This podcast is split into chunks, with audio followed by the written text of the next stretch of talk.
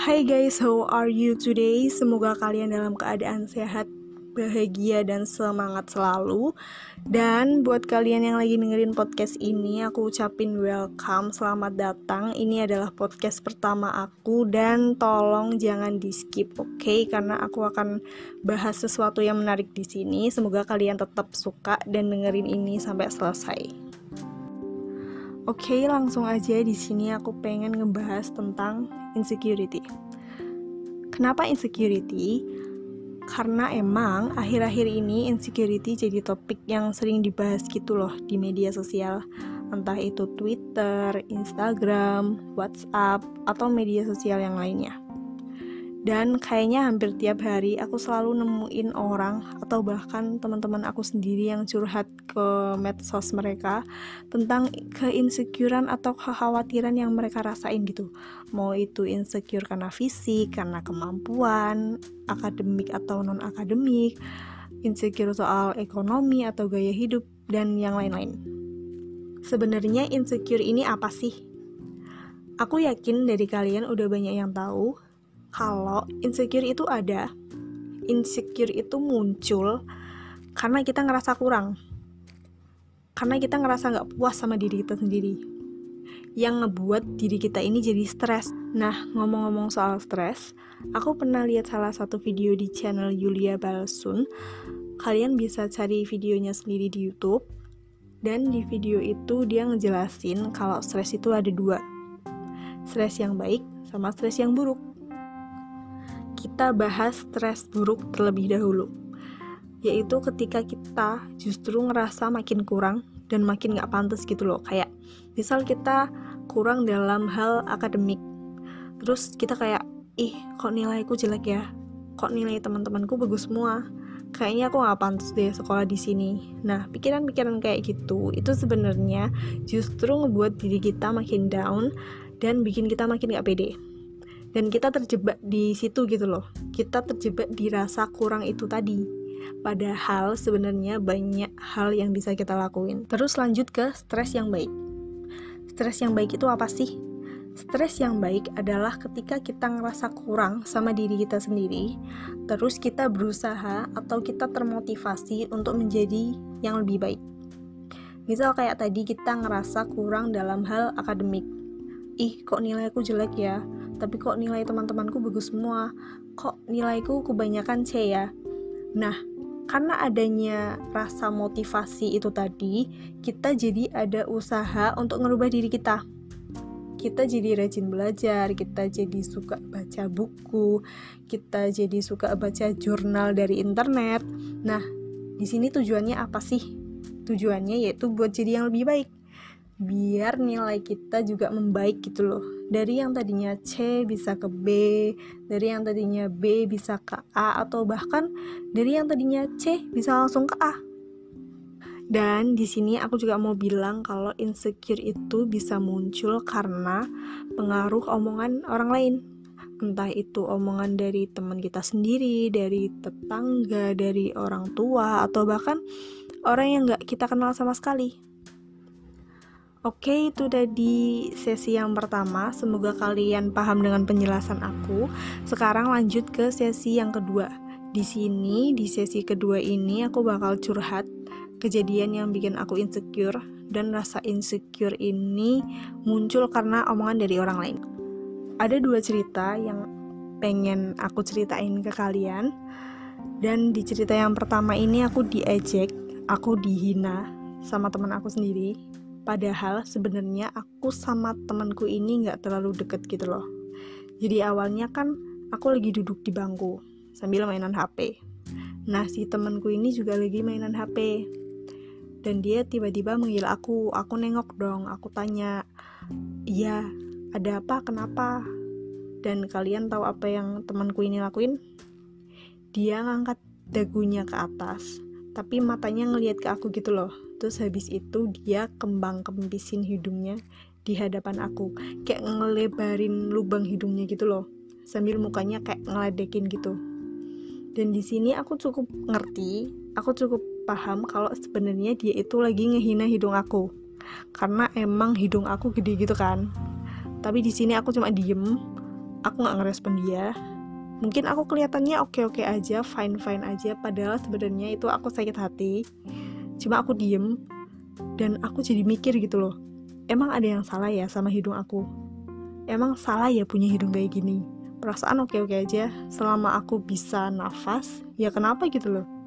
Tapi sayangnya semenjak kejadian itu aku tuh jadi kepikiran kayak jadi insecure sama hidung aku terus aku jadi nggak fit Terus sekarang lanjut ke cerita yang kedua. Jadi cerita yang kedua itu aku lagi sama temanku, lagi main gitu kan.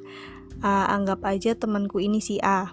Nah, aku lagi cerita-cerita gitu sama si A terus si A itu ditelepon sama temennya di fit call gitu loh. Nah, anggap aja temennya si A ini si B.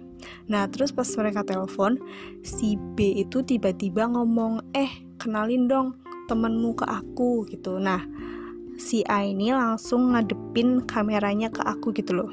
Dan si B tiba-tiba ngomong kayak gini hah itu teman kamu? Kok mukanya mirip transgender ya? Hahaha. Terus aku diem kan kayak hah gitu bingung tapi aku nggak ngomong apa-apa. Terus si temanku A ini ngomong heh sembarangan gitu kan. Terus akhirnya mereka tetap lanjutin telepon mereka. Terus aku kayak kepikiran gitu loh kayak hah dia masih bisa ketawa gitu loh. Setelah dia ngomen wajah aku yang katanya mirip transgender dia tuh masih ketawa kayak hah padahal aku nggak kenal si B sama sekali di sini. Dan gara-gara omongannya si B tadi aku jadi kepikiran kayak apa mukaku ini kayak cowok ataukah alisku ini ketebelan untuk ukuran seorang cewek atau aku tuh punya kumis tipis atau gimana gitu. Dari dua cerita yang udah aku ceritain barusan, aku harap dari kalian buat lebih hati-hati kalau mau ngomong sama seseorang, karena kita nggak akan pernah tahu perasaan seseorang. Ya kalau orang itu mau ngomong kayak, eh aku sakit hati loh kamu ngomong kayak gitu barusan. Mungkin kita bisa minta maaf dan kita bisa nyelesain itu secara baik-baik gitu loh. Coba kalau enggak coba kalau orang itu diem aja dan ternyata orang itu sakit hati terus dia dendam sama kita. Ribet nanti urusannya. Oke itu tadi segmen yang kedua Terima kasih karena kalian udah dengerin curhatan aku. Sekarang lanjut ke segmen yang ketiga. Di sini aku bakal bagiin tips gimana sih caranya biar nggak insecure lagi. Tips ini aku dapetin pas kemarin aku ikut webinar yang diadain sama mahasiswa Undip PSDKU Batang. Kalian bisa cek di akun Instagramnya at live.talksid. Di sini ada dua tips yang bakal aku bagiin ke kalian dan di tips yang pertama itu namanya teknik Apple atau APPLE. Ada acknowledge, pause, pull back, let go, dan yang terakhir yaitu explore. Tahapan pertama dari teknik Apple yaitu acknowledge atau akui. Di sini dijelasin kalau Perhatikan dan akui ketidakpastian yang muncul dalam benak Anda. Jadi, maksudnya di sini itu ketika kalian ngerasa insecure, akui aja gitu loh bahwa kalian sedang dalam fase insecure, oke? Okay? Jangan terus kalian pura-pura seolah-olah kalian tuh baik-baik aja. Padahal sebenarnya kalian ngerasa insecure. Jadi, ketika kalian ngerasa insecure, it's okay kalian bilang ke seseorang yang kalian percaya entah itu orang tua temen bilang aja kalau kalian itu lagi insecure Kemudian di tahapan kedua dari teknik Apple yaitu pause atau jeda. Di sini dijelasin, ambil nafas panjang dan keluarkan. Jangan bereaksi apa pun selain teknik relaksasi ini. Jadi di tahap pause ini kalian ambil nafas panjang, terus kalian keluarin dan Jangan mikirin apa pun, kosongin pikiran kalian dan fokus, relax. Lanjut ke tahap yang ketiga yaitu pullback atau bahasa Indonesianya itu menarik diri. Di sini dijelasin bahwa katakan pada dirimu bahwa kekhawatiranmu ini tidak diperlukan dan tidak membantu sama sekali. Itu hanya pikiran atau perasaanmu. Jangan percaya yang kamu pikirkan. Pikiran bukanlah pernyataan atau fakta. Jadi di sini dijelasin bahwa sebenarnya kita itu nggak perlu insecure, kita nggak perlu mikirin apa yang seharusnya nggak kita pikirin, dan belum tentu apa yang kita pikirin, yang kita pikirin secara negatif itu beneran ada gitu loh. Belum tentu. Di tahap yang keempat, yaitu ada let go atau lepaskan, di sini dijelasin bahwa lepaskan pikiran atau perasaanmu itu akan berlalu. Kamu tidak harus menanggapi mereka. Bayangkan mereka menghilang dalam gelembung atau terbang ke awan. Jadi yang dimaksud mereka di sini itu yang ngasih omongan negatif ke kamu gitu loh, yang bikin kamu insecure dan rasa insecure ini akan hilang sewaktu-waktu. Jadi emang ada fase di mana kamu insecure dan ada fase di mana insecure itu akan hilang. Dan yang terakhir dari teknik Apple ini yaitu explore.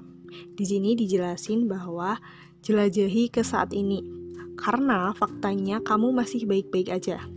Perhatikan pernafasan dan sekeliling kamu. Lalu, alihkan perhatian kamu pada hal yang perlu kamu lakukan hingga pikiran dan perhatian kamu benar-benar teralihkan.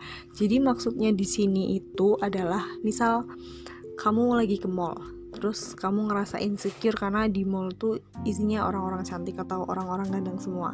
Nah, kamu bisa mengalihkan perhatian kamu ke hal yang kamu suka.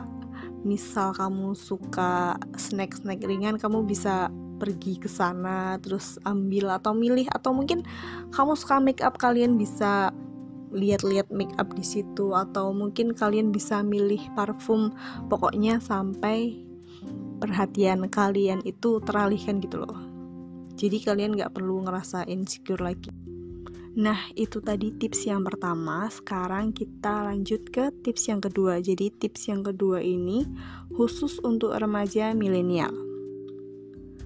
Yang pertama yaitu sadari bahwa kecemasanmu adalah hal yang wajar. Jadi maksudnya di sini itu adalah insecure itu bisa dirasain semua orang. Semua umur, semua gender atau apa pun itu. Bahkan artis pun yang kelihatannya hidupnya sempurna, mereka juga bisa ngalamin insecure. Di poin selanjutnya, yang poin kedua itu ada cari pengalihan. Jadi di sini kalian bisa cari hobi baru atau cari kegiatan baru, sesuatu yang baru gitu loh. Biar kalian nggak terlalu fokus sama keinsecurean kalian itu tadi.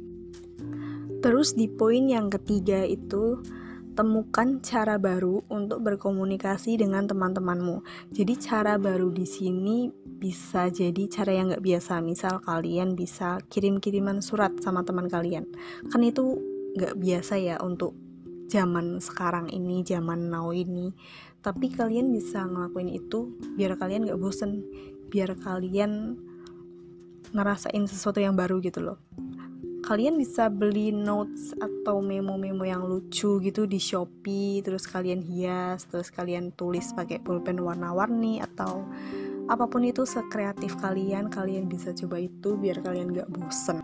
Lanjut ke poin yang keempat yaitu fokuslah pada dirimu. Jadi poin yang keempat ini hampir sama sama teknik Apple yang pullback. Intinya yaitu kalian harus fokus sama diri kalian sendiri. Kalian gak harus ngerasa insecure, kalian gak harus mikirin apa yang seharusnya gak kalian pikirin. Justru itu akan jadi beban buat kalian. Jadi lakukan sesuatu yang positif yang bisa bikin mood kalian naik pokoknya sesuatu yang positif untuk diri kalian. Di poin yang kelima ada selami perasaanmu. Jadi maksudnya di sini itu kalian harus paham sama perasaan kalian sendiri. Kalau misal kalian insecure, itu nggak apa-apa. Itu sesuatu yang normal.